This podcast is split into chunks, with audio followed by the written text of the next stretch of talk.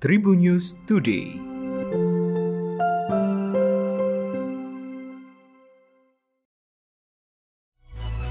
Halo Tribuners, berjumpa kembali bersama Hakim di Tribun News Today. Hakim akan berbagi informasi menarik hari ini, mulai dari informasi nasional, regional, selebritis, dan olahraga.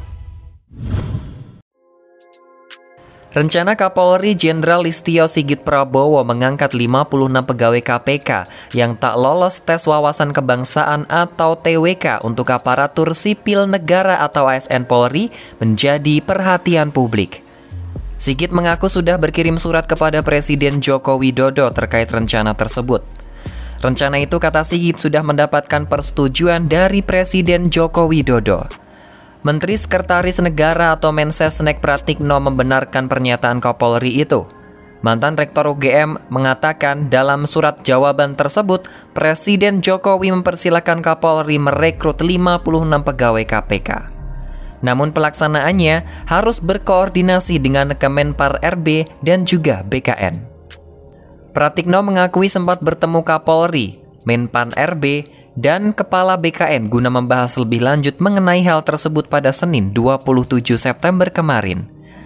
Atas rencana Kapolri itu, 56 pegawai KPK yang tidak lulus TWK belum memberikan sikap.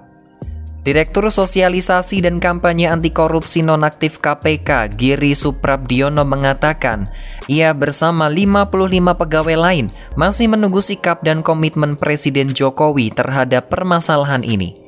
Meski demikian, Giri mengapresiasi rencana Kapolri tersebut.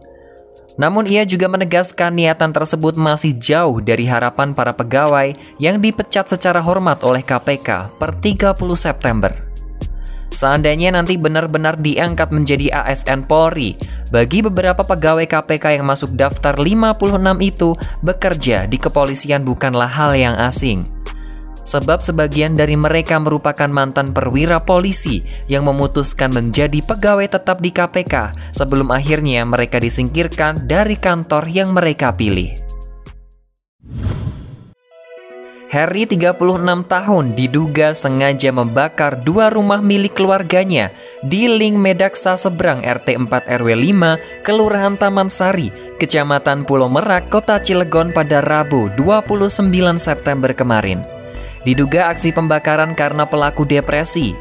Kasih Operasi Pemadam Kebakaran pada Dinas Pemadam Kebakaran dan Penyelamatan Kota Cilegon, Nanung Eko Siswanto, mengatakan bahwa peristiwa tersebut benar adanya.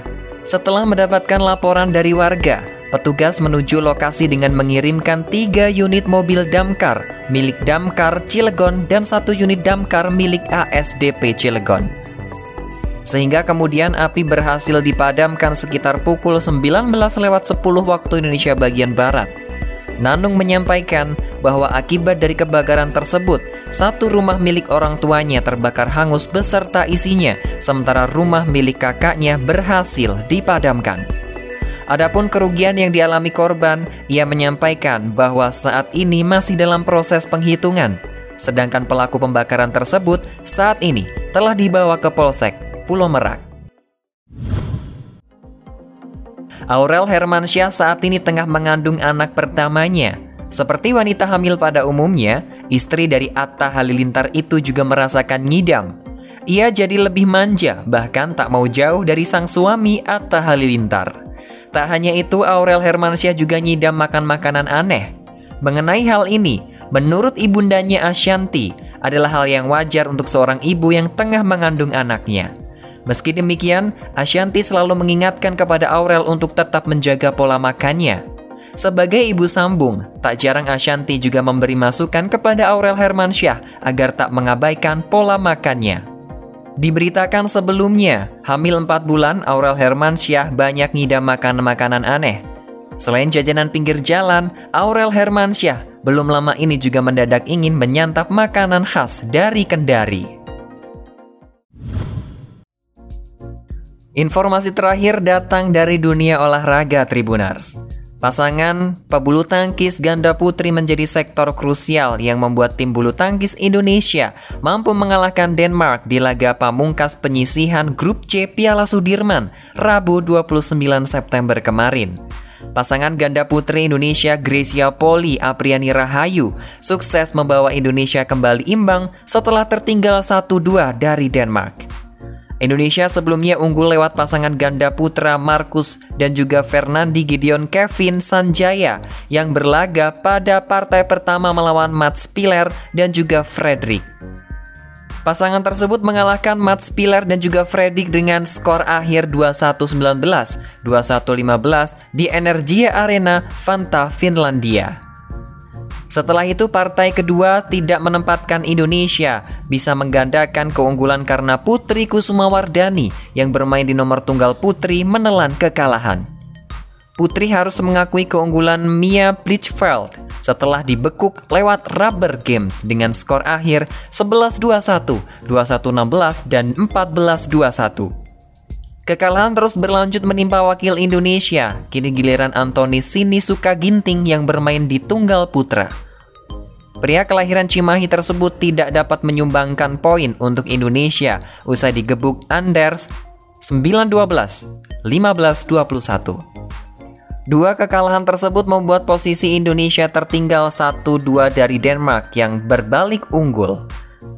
Penyelamat bagi tim Indonesia lalu datang pada nomor ganda putri yang diisi oleh Gracia Poli dan Apriani Rahayu.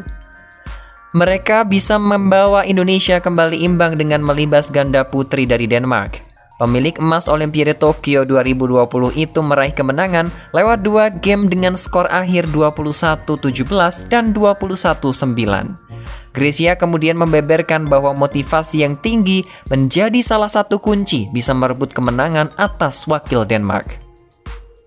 Demikian tadi empat informasi terupdate hari ini dan jangan lupa untuk terus mendengarkan Tribun News Today hanya di Spotify Tribun News Podcast dan juga YouTube tribunnews.com.